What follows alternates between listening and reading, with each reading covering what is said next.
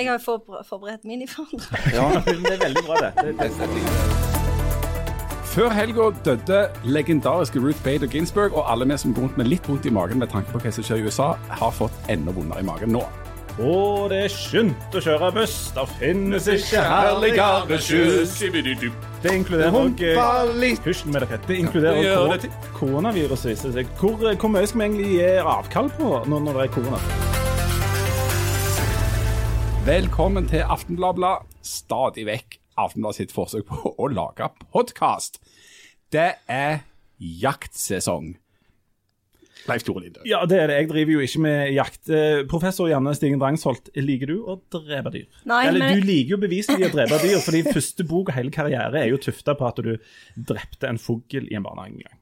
Men du driver ikke med, med mer jakt enn det. Nei, Jeg har vært med på jakt noen ganger, fordi far eh, min han likte å gå på andejakt. Jeg var med han noen ganger. bra mann, far din. Ja, jeg så, ingen, så ingenting, hørte ingenting. Bare sto der og venta på at det skulle bli mørkt nok til at eh, far sammen kunne gå hjem. Men eh, Ja. kommentator og levende lerret Harald Birkevold, du liker å tatovere dyr på kroppen. Du har i dag ei T-skjorte med bilde av en hjort, og du liker å drepe dyr. Det er det Ja. kjekkeste du vet. Ja, det om ikke det kjekkeste jeg vet, så, så er det iallfall noe av det kjekkeste jeg vet, ja. Ja. Og, og du er nettopp da hjemkommen fra jakt. Ja. Hva, hva slags uh, små, søte dyr har du drept nå? Nei, altså vi prøvde å få livet av noen ryper, uh, men Noen det dyr? var med, med vekslende hell. Ja. Uh, Og de var- bare halvdaue når dere var ferdige. ja, ja nei, de var kanskje, noen av de var kanskje litt skremt, for de bomte grovt på, men vi fikk nå et par i bakken, ja. Ja. Eh, og en eh, veldig er interessant, et interessant naturfenomen, forresten. Eh, det var han, han Lasse, da, så jeg var på jakt med, han, han hadde skjøtet på en fugl som datt ned, og så han trodde var en orrhane. Ja. Det så mistenkelig ut som en orrhane, men når vi kom innpå, litt innpå han, så så vi at det var en krysning mellom orrhane og rype. En, en orpe. En orpe. Ja, det fins. altså, or, or, orrfugl og rype kan, kan pare seg med hverandre og få avkom. Hæ? Mm, det er sant. Men de blir da sterile, akkurat som muldyr, kan du si. Det er en slags fugleverdenens muldyr. Eh, så denne, denne orpen, da, den, ja. den tok vi òg med oss hjem. Ja. Jeg jeg, for Kan ikke alle fugler egentlig ha seg med alle fugler og få Dette er et familieprogram. Jeg må bare Nei, jeg tror, jeg tror ikke det er sånn at eh, altså, ser fugl- ser ikke for meg at en f.eks. eksempel linerle og en struts skulle eh, Altså, jeg vet ikke hva slags omstendigheter det skulle dra seg i hop, men, men altså, dette med Altså, dette er jo begge hønsefugler. Ja. ryper og orrfugl er jo samme på en måte fuglefamilie, så da kan det vel gjerne fungere. Men for at jeg trodde jo det er jo sånn paringsritualer og sånn, så det, da Ja. må de jo ha litt sånn lignende Altså, jeg tror opplegg. greia her er at når eh, orrhanene får dette over seg, så er de såpass eh, hoine at eh, så lenge det har puls, så tror jeg det Det svartner for dem, sånn som det gjør for enkelte. Ja, det, det blir som, som, som, som nachspiel i Trøndelag Ap. Liksom det Men det er ikke sånn det går rundt å si sånn, Arne. Nei, det, det Dette var da Jan Zahl som prøvde å høres ut som en tiur. Jeg synes Dette er den beste tiurimprovisasjonen jeg noen gang har gjort. Gale Mathias. Nei, vi så ikke, vi så ikke noe tiur. Men uh, hvis vi hadde sett tiur, så hadde vi prøvd å drepe de òg, ja. Mm. Du, bare- det, men altså, jakt, ja. Ja, Ja, eh, for. Jeg har et lite spørsmål der. For Dere går jo da rundt eh, eh, en gjeng i heia og bare vaser Ja, nå var vi bare to, da. Ja, dere var bare to. Ja. Hvor lenge er dere ute? Ja, På lørdag så sto vi vel opp i, ja, opp i tidlig, og så kjørte vi litt uh, bil, så vi skulle komme litt nærmere terrenget. Og så var vi ute i en ja, sju-åtte timer, kanskje. Ja, og og da, dere, det, det er jo ikke mye dere skyter. Dere ser jo nesten ingen, ingen dyr eller noe sånt. Nei, ja, nei, altså vi så en god del ryper, men noen av de var veldig sky. Gikk opp på langt hold, og det var litt overraskende, for det var fint vær, og da pleier de å være litt mer rolige. Men hva gjør dere liksom resten av dagen? Nei, vi går og kikker, jeg tok en del bilder, og så har vi pauser drikker kaffe og snakker om løst og fast, litt sånn som her, i denne podkasten. Men det er bra det ikke blir publisert. Det er veldig bra at det ikke blir publisert, det, er det som vi snakker om da, ja. ja. Det er omtrent som en sånn eh, messengergruppe i Frp. Og så spiser dere og liksom så går dagen, og så Ja, altså med skjever, ikke sant. Av og til lager vi kanskje vi koker kaffe. Før når jeg røykte, så var det veldig godt å røyke eh, når vi hadde de pausene. Og på lørdag, søndag var det, det var det jo et et fantastisk vær. Eh, så det var jo en nydelig fjell, dag i fjellet. Kom tilbake til bilen som sto på pinede ja, over 900 meters høyde, så var det 18 grader. Galskap. Ja, det er jo egentlig skremmende, men eh, det var en helt fantastisk dag. Jeg har alltid tenkt på sånn jakt som sånn leiding etter nål i høystakken. Altså, I den grad jeg har vært i naturen, sånn, den der tanken at du skal gå ut i naturen, og så skal det plutselig framfor deg stå en hjort eller en elg eller et sånt spiselig eh, Ja. eh, fugledyr. Så du kan spiselig løs på. fugledyr. Ja, på Ja. skuddhold, liksom. Eh, det virker helt merkelig, for naturen er jo enormt stor. Ja, og så er det jo liksom det der For du eh, I hvert fall min erfaring er at sånne jegere stiller seg jo ofte eller på steder hvor de vet at det er mye dyr som kommer. Ja. Det er en god sjanse for at det kommer et dyr. Men jeg syns det er jo helt umulig å se dem. For jeg husker far var sånn Hører du? Og så var jeg sånn Ja. Men jeg hørte jo ingenting. Du hører den lyden der. Men du, når vi snakker om, når vi, når vi snakker om nål i høystakken, så er det jo sånn at eh, hvis det er en ting som er irriterende, så er det jo når det er en enorm kø på motorveien. Og eh, nå rett før helga så var det jo en enorm kø på motorveien, Leif Tore Linde. Var det ikke så? Kan ikke du forklare for dette når du snakker meg om å lete? For du, ja, hva, Ja. hva som skjedde? Kan jeg få bitte litt tid på å forberede meg på akkurat det, for jeg har et lite forklaringsproblem her. Jeg lagde en hinsides kø på motorveien her en dag. Men jeg trenger gjerne litt tid på Men å hva har dette med jakt å gjøre? Jo, det, altså, dette er en, la, la oss kalle det en slags urban jakt. Ja, Eh, Vil dere ha den raske, eller eh, ja. Det kommer an på hvor god Vi vil ha den historien er. beste Ja. historien. Ok, Ja. På torsdag skulle jeg kjøre fra Stavanger til Stavanger sin vennskapsby Sandnes eh, med bil. Eh, herifra våre avislokaler. Og jeg hadde med meg en del sånn eh, pick og pack som jeg måtte ta med. Gikk ned og satte meg i bilen, og så var det litt styr med å få ting inn og sånt, så jeg eh, og sto med telefonen i hånda, og den la jeg fra meg. En eller annen plass jeg ikke helt hadde kontroll på. Og heiv ting inn og kjørte. Og når jeg kom fram til Sandnes, så var fant jeg ikke telefonen. Jeg gjorde den der øvelsen der du dunk, dunker overalt. For, for, Ja, ja, ja. Hvor er telefonen? Han var ingen plass. eh, fant han ikke igjen. Og leita på Sandnes. Kjørte tilbake inn til Stavanger. Fant han ingen plass. Og så måtte jeg inn da på maskinen min for å bruke den tjenesten som heter Find your iPhone. Finn min iPhone. Finn min iPhone. Fantastiske greier. Tenkte jeg, Da finner jeg den. Den ligger nok i, enten i bilen eller en annen plass. Mm. Logger meg inn. Kom det opp en liten grønn prikk midt på motoren. Du hadde lagt den på taket av bilen. Og så hadde han ligget så lenge. Han hadde ligget så lenge at jeg kunne kjøre fra Stavanger sentrum, litt sånn rundt omkring her, og til eh, midt mellom avkjørselen til Bekkefaret og Sørmarkedet. Der lå han i, ute i veita. Nei! Jo, Det var jo kjempeflaks at han lå i Veita, hvis ikke hadde han vært helt flat. nemlig. Uh, og så Altså, hva, hva gjør du da? Uh, jo, jeg satte meg i bilen og kjørte uh, ut på motorveien for, og tenkte jeg må se om jeg ser han. Ja, ja. Kjørte forbi en gang, så ingenting. Kjørte forbi en gang til. Litt seint, lagde litt kø. Kjørte i sånn 50-60 motorvei med litt sånn tuting fra trailere og sånn. Og der så jeg noe i, i veikanten ja. som kunne være en telefon. Tenkte jeg, yes, der var han. Så tenkte jeg etterpå Ei, shit, hva, hvordan, hva, hva gjør jeg nå? Jeg må jo få tak i telefonen. ja, ja. Hva, hva gjorde du da? Ja, nei, altså Veiskulderen er så liten at det, det er umulig å stoppe der. Du har jo ikke lov å stoppe på motorveien og gå ut av bilen. Um, og dette er akkurat der som disse Ryfast-tunnelene og sånt kommer opp. Så det er et marakel med påkjøring. Folk kjører i full full fart. Ja. Kjører forbi hverandre. Det er bånn gass. Det er liksom akkurat der folk begynner å gi på. Ja. Så jeg kunne jo ikke stoppe. Det er akkurat der som 90-sonen begynner, på en måte. Ja. ja, ja. ja, ja, Den ja. verste plassen. Nemlig. Se, altså, hva gjør du da? Du stopper selvfølgelig. Nei, jeg kunne ikke det. nei, Det er ikke lov. Det er ikke lov. Ja, Men gjør det noe? forbudt, ja. Klatrer Ok, ok. over den der lydmuren og Jeg, har ha sånn selfiestong at du liksom slenger, eller fiskestong eller noe som hiver den jeg hadde mange tanker om å skaffe til veie en håv Ja, ja, ja. kjøre, men, men um, jeg, jeg kunne jo ikke gjøre det. Jeg, jeg kjørte forbi et par ganger bare for å liksom beregne trafikken og sånt. Og så viste det seg at å fange en, det som kan være en mobiltelefon i veiskulderen med en håv i 90 km i timen, så jeg på som en ganske vanskelig oppgave. Og en Det er litt sånn um, Tom Cruise, eh, Mission Impossible. eh, Ja. ja. Så jeg måtte ta hua i hånda. Du hører at dette er noe med jakt å gjøre? Ja. Jeg, kjenner jo det nå. Jeg gikk med hua i hånda, ned, sitter jo ytterst på stolen her. Jeg. ned til politiet. Til politiet? Så gikk jeg inn der så sa jeg, du, eh, ved en kurie så kan det spise seg Mea culpa. at eh, jeg kan ha mista telefonen min på motorveien. Sitter ei i luka der som smiler bredt og sier 'la du han på taket'? og det måtte jeg bare innrømme at jeg gjorde. Ja, ja, ja. Så, måtte, så, så kikket hun på meg med sånn «Mhm, Ja, det er sikkert ikke første gang vi hadde opplevd det. Så hun ringte en patrulje. Bare sa, sa 'kjør APS så vekk fra du'.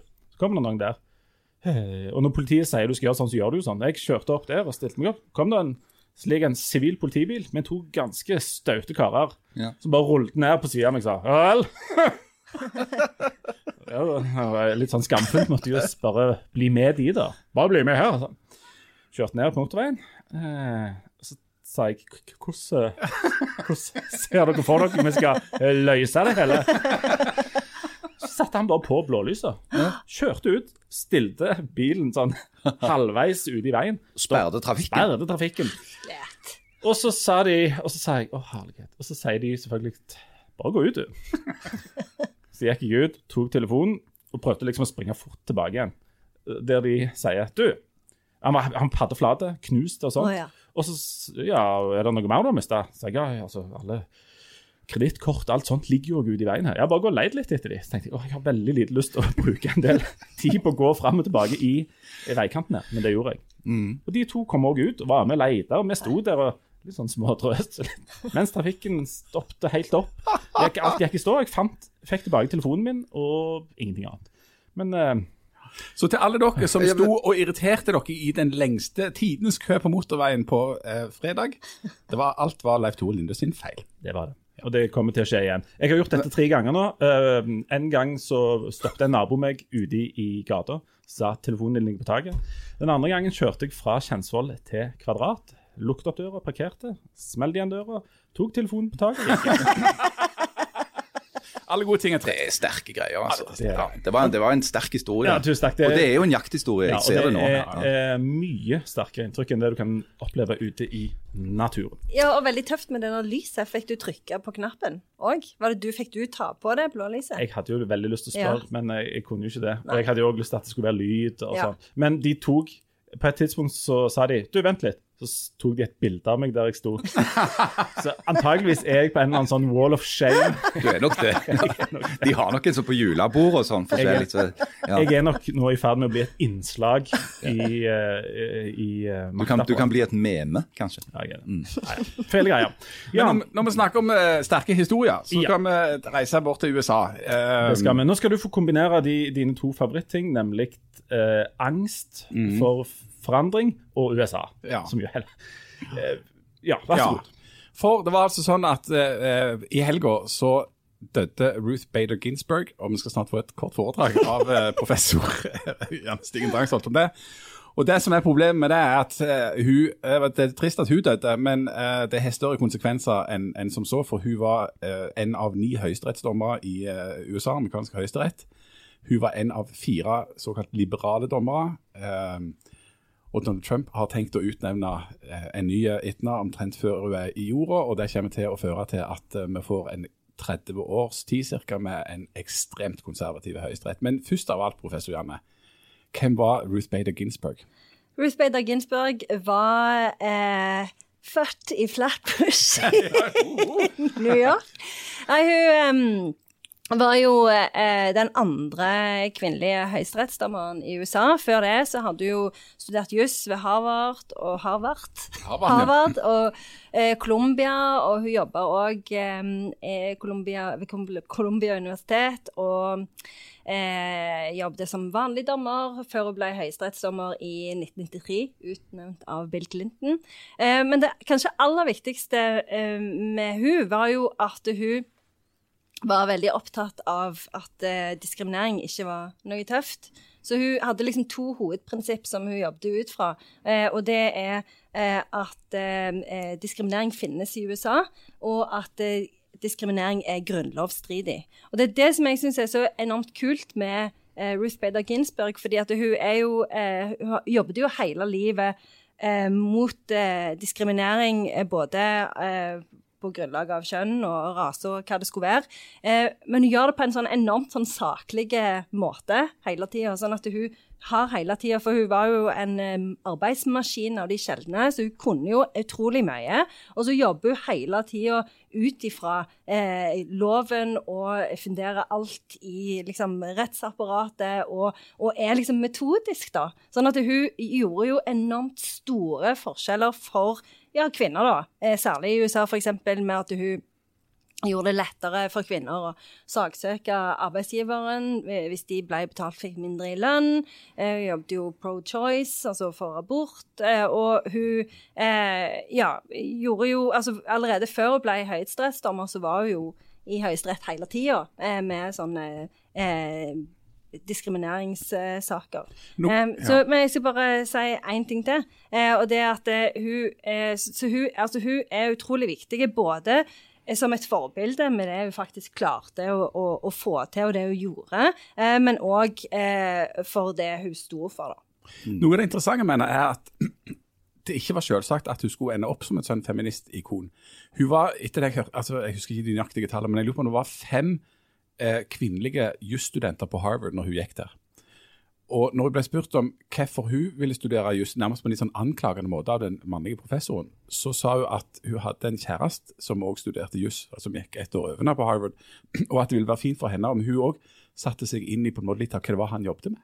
Mm. Det var hennes utgangspunkt. Mm. Vet du hvor, hvor, hun ble opptatt av, eller så at det kunne gjøres noe med det kjønnsmessige? Hun var på et opphold på Lund universitet i Sverige tidlig på 60-tallet. Kom til Sverige, så at uh, her var det jo helt annerledes tankegang, helt annen tilnærming når det gjaldt dette med, med, med, med liksom kjønn og, og, likestilling i det hele tatt. Eh, så ideene om det fikk hun derifra. Et annet interessant poeng er når du snakker om, om på en måte likhet. Hun, du sa at hun, hun fikk gjennom på en måte en del ting for kvinner. Metoden var i starten å sørge for likhet for menn. Altså De første sakene hun kjørte som handla om likhet, handla om menn. Handla om en mann som mista kona si, og som krevde å få altså, eh, støtte til omsorg. Men der lovverket var innretta med at det var bare kvinner som var omsorgspersoner. Eh, så hun fikk inn prinsippet om at det var likhet, og at òg menn og kvinner liksom var like der gjennom å kjøre sak for menn. Så hun var ganske sånn subtil og interessant i måten å jobbe på. Men det var på ingen måte selvsagt, for hun starta en helt av denne. Du, um, hun er, Denne dama er blitt, eller vært en slags helt for det liberale USA. ikke sant? Og dere som har så enormt høy utdanning, kan dere bare kort si hva det innebærer. Altså, Vi snakker om liberale dommere, vi snakker om konservative dommere. Hun er på den liberale sida, eh, og de har nå mista en av sine rep representanter. Hva, hva, innebærer det at hun var liberal i USA? Det, det, innebærer, altså, det, det innebærer eh, likhet eh, for kjønn, for uh, seksuell legning, uh, for uh, rase, rett og slett. Altså arbeidstakerrettigheter. arbeidstakerrettigheter. Altså at, at, det skal være likebehandling eh, på, en, på, en, del av de tingene. Altså klassisk sånne, sånne, ting som vi egentlig i Norge tenker på som helt selvsagt. egentlig. Altså Abortspørsmålet har jo blitt ekstremt viktig. Eh, du sa hun jobbet for aborten, det er vel kanskje litt upresist. Altså hun, hun jobbet for retten til, eller muligheten for å kunne ta abort, mm. ikke for å ta mest mulig abort. Eh, men, men eh, Nei, for det var det ja. Men det òg er jo interessant, for det òg er jo noe som For jeg bare tenker på det som du sier med måten hun jobbet på, for det òg er jo noe som hun For hun, hun uttalte seg jo eh, Eh, var jo skeptisk til den der Roe versus Wade-loven, men det var jo fordi at hun mente Og Vi må forklare hva den er. ja, det er jo den eh, loven som sikrer ab eh, fri abort. da. Eh, hun, eh, men hun mente jo at den, altså, den, var problematisk fordi at den tok utgangspunkt i privatretten, på en måte, mens eh, problemet var jo at det var grunnlovsstridig å hindre kvinner i å ta abort, fordi at da hadde ikke kvinner full autonomi over sin egen kropp, og da var det diskriminerende. Mm.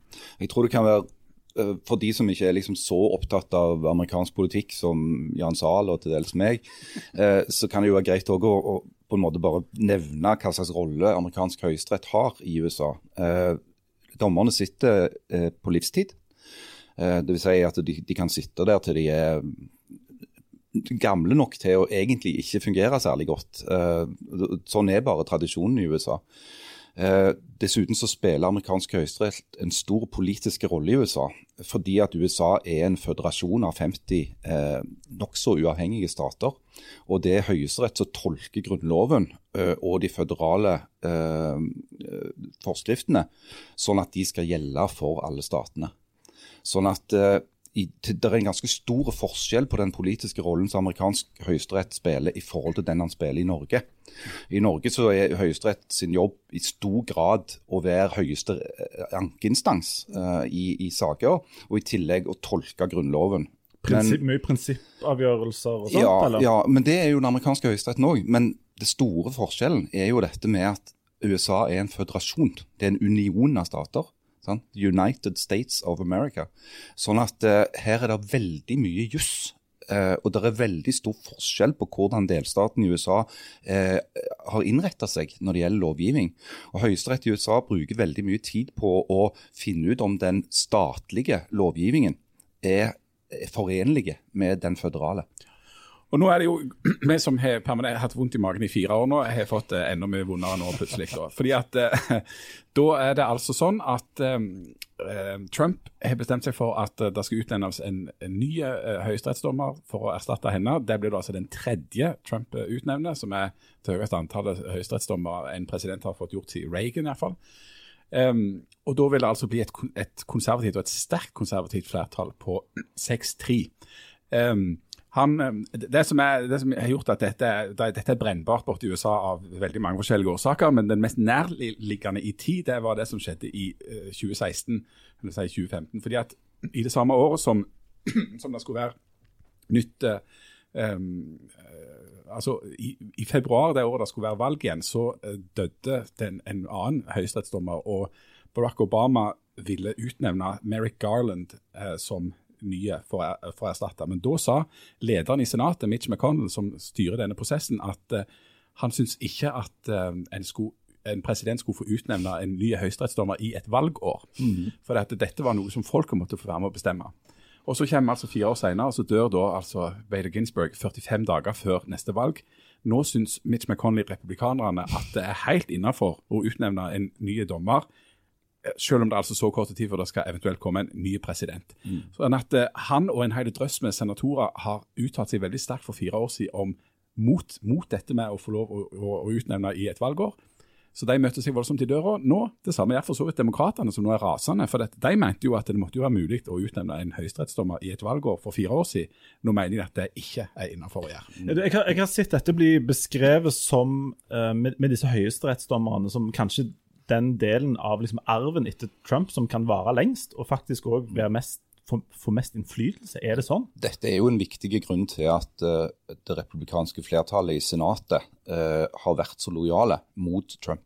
Det er at så lenge de har en republikansk president, så har de muligheten til å få gjennomført en masse politikk som vil gjelde langt etter at Trump er ute.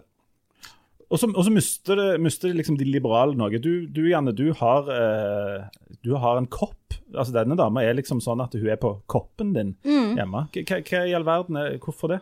Nei for, Kan ikke du ha mummikopp sånn som oss andre? nei, for jeg har ikke gitt blod. Ikke jeg heller, men jeg har kjøpt de, sånn at jeg har inntrykk av at jeg har gitt blod for mye skrøyt for det.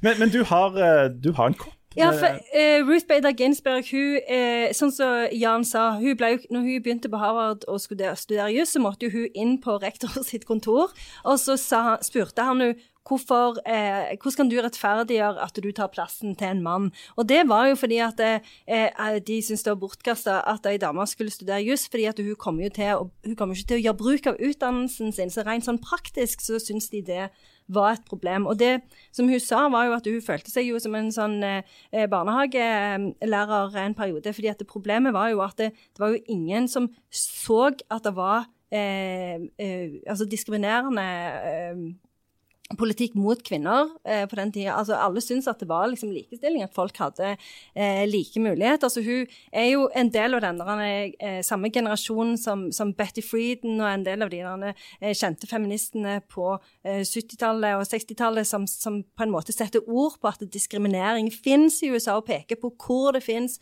og at det er et strukturelt problem, og, og, og, og liksom viser det fram da, og, faktisk gjør noe med det. Eh, så hun tilhører jo eh, en sånn en generasjon med kvinner som har betydd utrolig mye eh, for å fremme likestilling i USA, som er jo et land hvor eh, det jo ikke på langt nær eh, har kommet så langt som, som i Norge. Eh, og i de skandinaviske landene, som så Jan var inne på. Og interessant nok så eh, har jo Trump nå lovt at den neste eh, som han skal utpeke, skal være ei dame. Så nå skal det komme inn ei dame.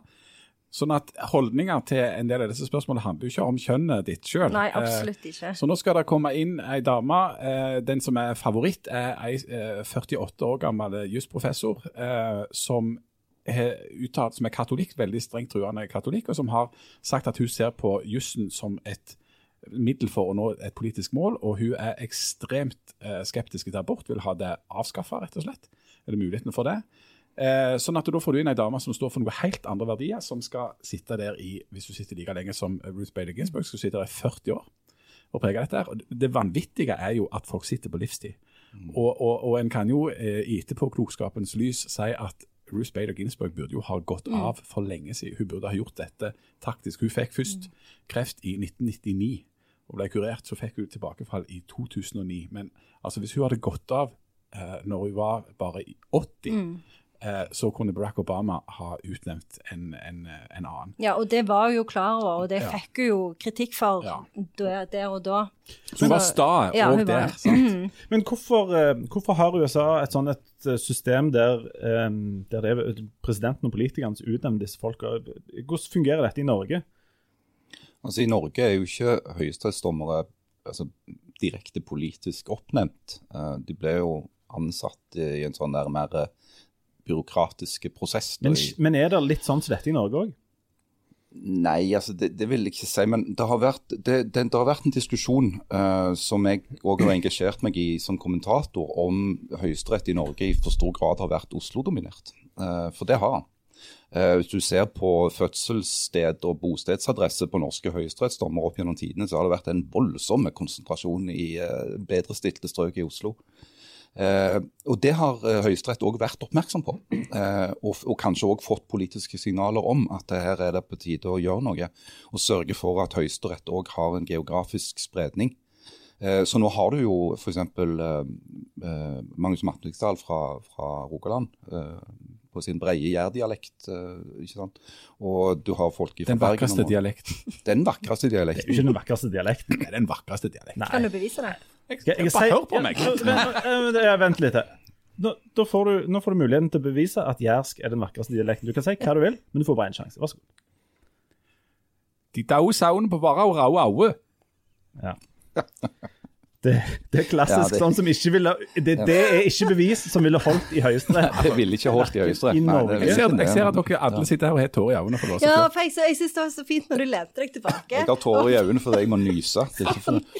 Men altså, hallo. Uh, men, men altså, norsk høyesterett er veldig forskjellig fra den amerikanske. det er Såpass kan vi slå fast. Uh, selv om de bygger jo på det samme fundamentet for både den amerikanske og den norske og den franske grunnloven og mange andre, uh, er jo i prinsippet, eller i utgangspunktet, kommer fra det samme ideologiske materialet, da.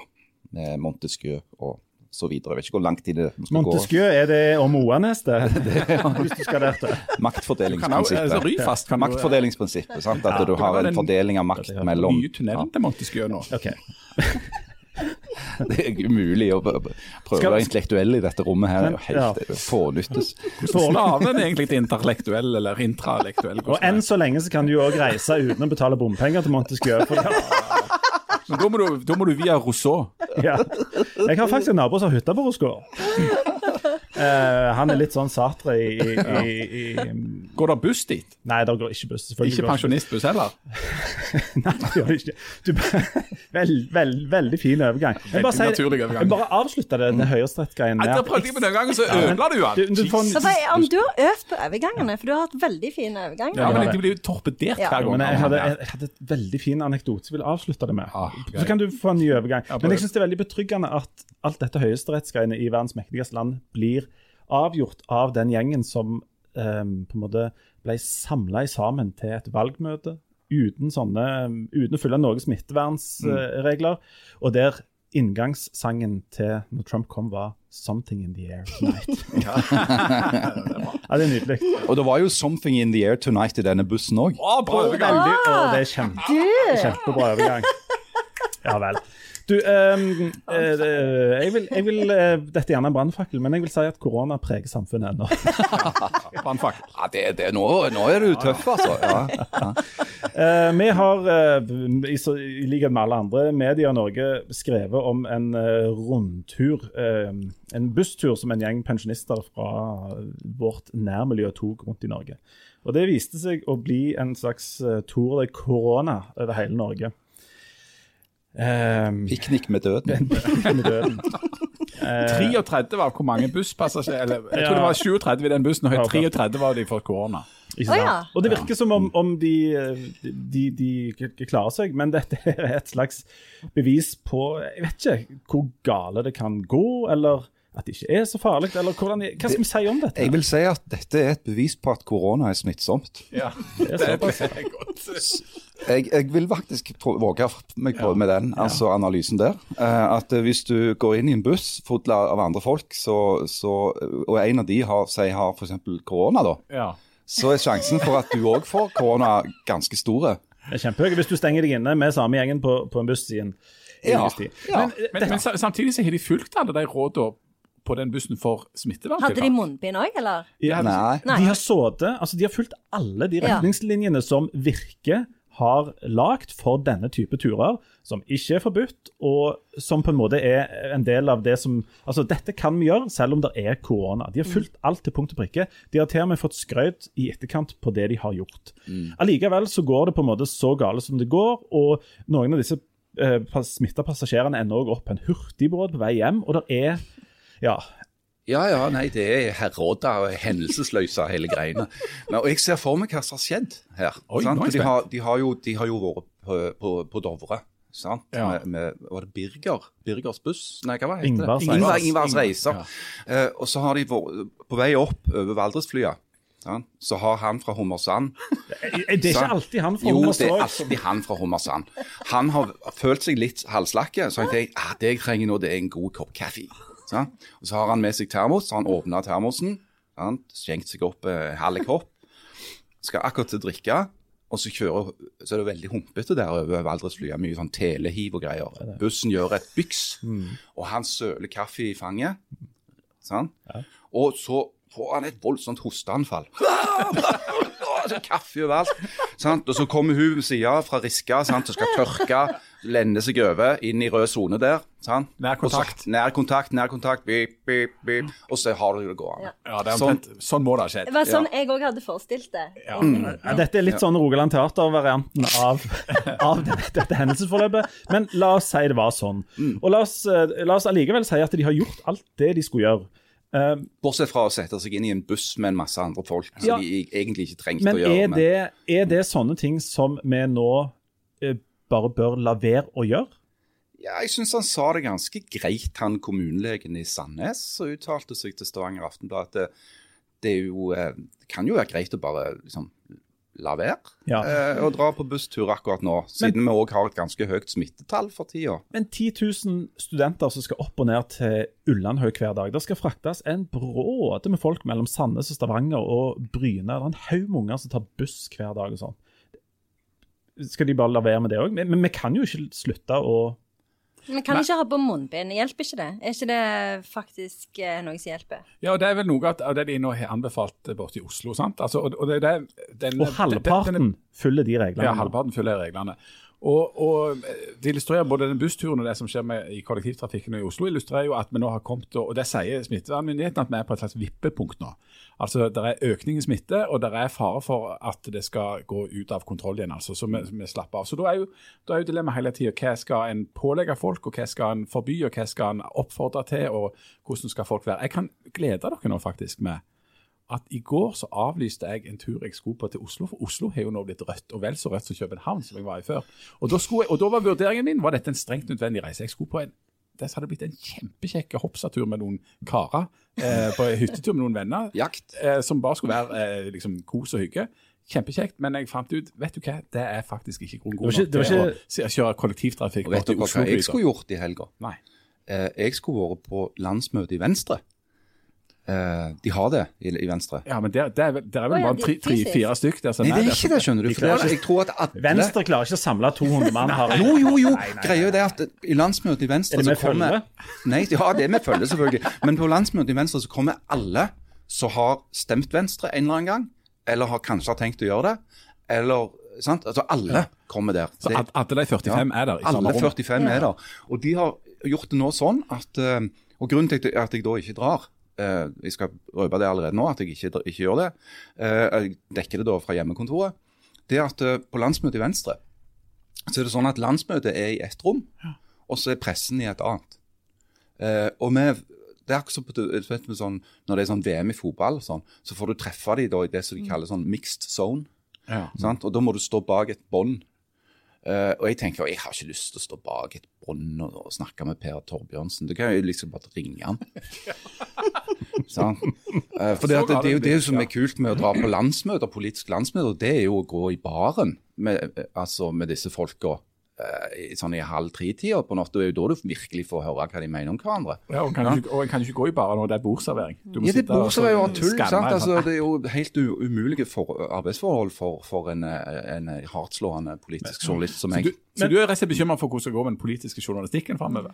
i koronaens tid. Ok, Men dere har gjort ja. enorme eh, Offer. offer. Du har, Enorme du offer. har uh, Jeg har sagt nei til en, en, en drømmehelg Ja. på, på Oslo Airport, uh, Clarion Air Hotel.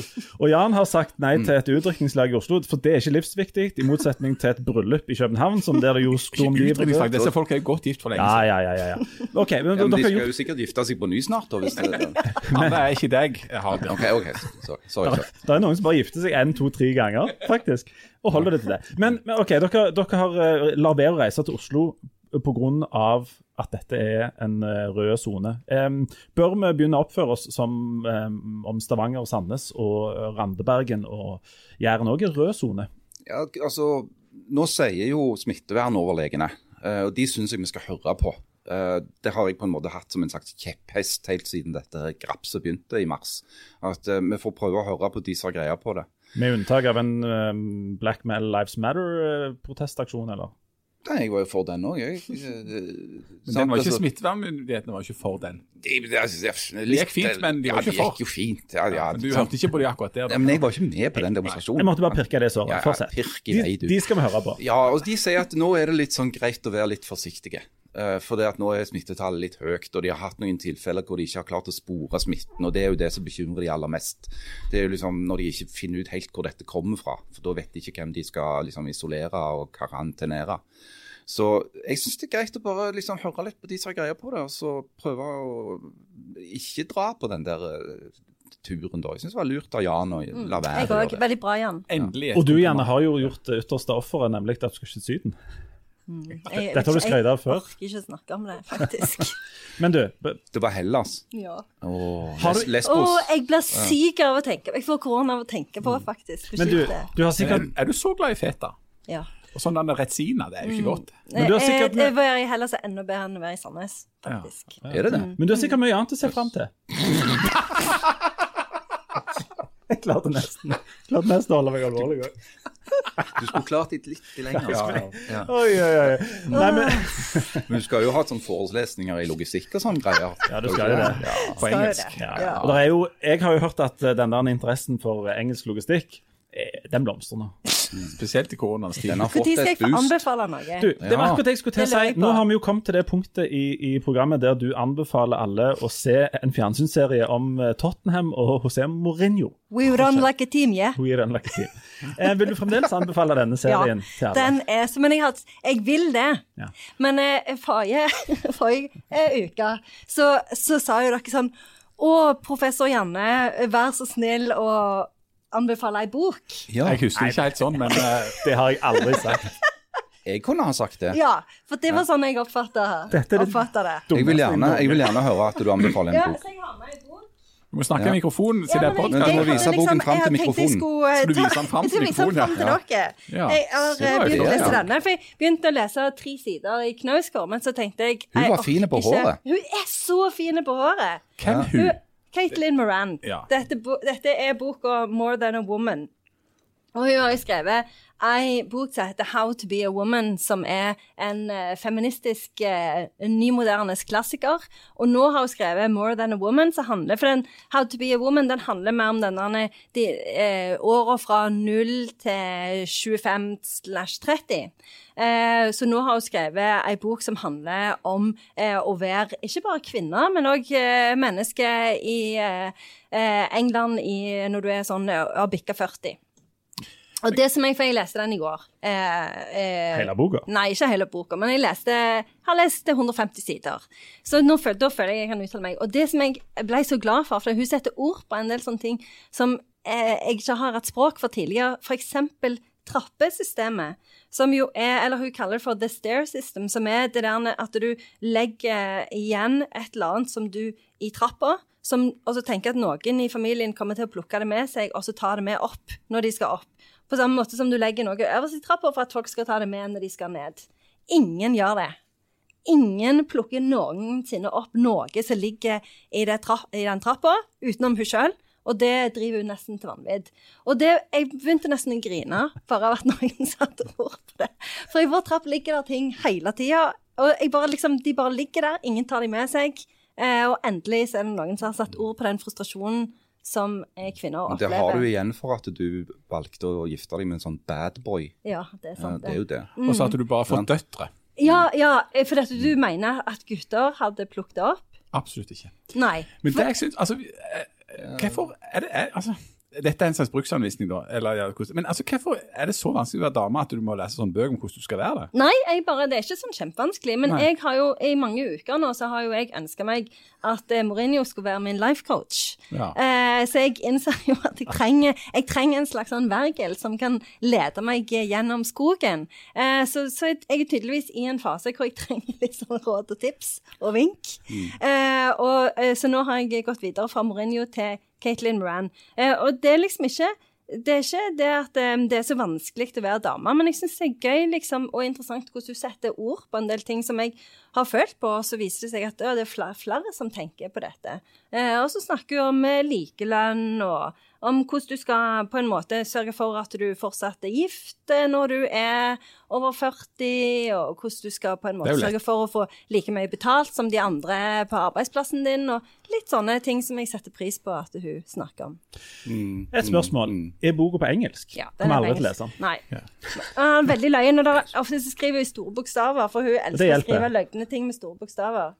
Så det, det kan jo hjelpe. Ja. Så jeg har litt, til og med notert Jeg så det, jeg, jeg bladde litt i den, jeg så du har mm. notert. Kan, du, jeg, kom på, jeg, jeg, kan komme med et forsinka tips, for jeg har omsider begynt å se på noe som Skal alle få lov å anbefale ting nå? For jeg trodde det var liksom Men er det, er det ikke, like, er ikke likestilling her? Er? Ja, men jeg har bare ikke hatt inntrykk av at det var sånn. Men, det har ikke vært meg inne. Ok, du, du, kan få lov å anbefale noe, Jan, men det kan ikke bli en vane. Nei. Nei. Nei for jeg har omsider begynt å se The Morning Show på Apple Pluss. Kjempebra. Er det det? Å, kjempebra. Jeg får ikke sitte, nei, det var bra hvis, hvis dere ikke sitter. Nei, det er kjempebra. Det er altså uh, Reece Witherspoon og Jennifer Aniston som står bak det. Hun er Reece Witherspoon, altså. Hun er, hun er en lurifaks. Hun er en lurifaks. Ja. Hun lager kjempebra ting. Og dette handler jo om uh, om uh, bl.a. kjønn og om uh, arbeidsplassen i et, en plass der de lager et morningshow i USA. Og så er det bra fordi det er smart og mangefasettert og ikke sånn endimensjonalt. Men um, veldig underholdende og, og, veldig smart og veldig løye å se på. Tusen takk for anbefalingen, Jan. Eh, det showet skal jeg se på. Ja. Du, Siden dette allerede har sklidd ut, uh, Harald Birkevold, hva vil du anbefale til folk på generelt grunnlag? Eller, eller du har jo ikke litt i den, nå, så kanskje du vil anbefale? Ja, jo, jeg kan godt anbefale uh, Caitlin Moran, altså for all del. Nei, hun er anbefalt, du må anbefale noe annet. Uh, kan du anbefale et, et, Hvilket dyr i naturen er lettest å drepe? det aller, aller letteste å drepe. Mm. Er det et sløvt slaktdyr som ja, det må jo være sånn do, doven, dovendyr eller noe sånt. Ja, men altså, et som du har Du har ikke, du har ikke jakt på dovendyr i Norge. Det enkleste dyret jeg har drept noen ja. gang. Mm. Uh, er ikke det enkleste dyret å drepe de der som dodo, altså de som bare sto De som ikke hadde noe frykt? De finnes ikke lenger. Ja, og, ja, for nå er de jo dritvanskelige å drepe. Ja, men de var, de var, de, de, de kunne ikke fly. Nei, de bare sto der. De bare sto der og så på deg. Uh, jeg vil ha et norsk dyr i norsk natur ja. som står rolig. Som er dritlett å, ja, ta livet av. Altså, med våpen eller uten? Ja, altså, Med bare nevene? Vi kan godt gå på Jeg vet ikke hva slags jakt du bedriver, om det er på tørre never eller med armbrøst. Eller, Altså på tørre never mm. Nei, det er litt vanskelig. Katt, kanskje? Ja, vi, kan ikke, altså, vi kan ikke anbefale folk å gå på jakt etter etter jeg kan lett anbefale folk å kverke en katt. Jeg hater katter. Jeg aldri Er det fordi de dreper fugler? Er det derfor? Fordi, Ja, Ja. eh, De norske kattene, søte kattene de dreper noen titalls millioner småfugler hvert år. Jonathan Fransen han hater jo fug nei, katter. Av Fordi den de grunn. Ja, jeg allierer meg med Jonathan Fransen. Ja, ja. Jeg faktisk vil gå så langt som å anbefale en endelig løsning på katteproblemet. Eh, og det har jo katten òg til felles med professor eh, Janne, som òg dreper fugler. ja, men bare hvis de er skada, og bare hvis det ikke er noen andre som kan er gjøre det. Det er det du snakker, sier høyt. Ja. Jeg anbefaler Jonathan Fransens korrigeringer. Jonathan Franson er en Du kan ikke forfatter. anbefale to, i hvert fall. Nei, da, det er, da nei. jeg, tar den, jeg tar den siste anbefalingen sjøl. Eh, bare for å få dette ned på et nivå folk kan leve med, så vil jeg anbefale å hvile middag, men på formiddagen. Det er en, en av de bra tingene med hjemmekontor. Nemlig. Og her, For ikke så lenge siden så satt jeg på hjemmekontoret. Vi hadde hatt disse her morgenmøtene og, og dette her, og det var i gang, skulle i gang med arbeid. Så viste det seg at det oppsto ei glipe i programmet. Jeg måtte vente fra sånn halv ti til halv elleve eh, da jeg skulle gjøre et intervju. Så satt jeg der, hadde ingenting å gjøre på. Så tenkte jeg ja, Så seilte jeg bak på sofaen og forsvant en times tid.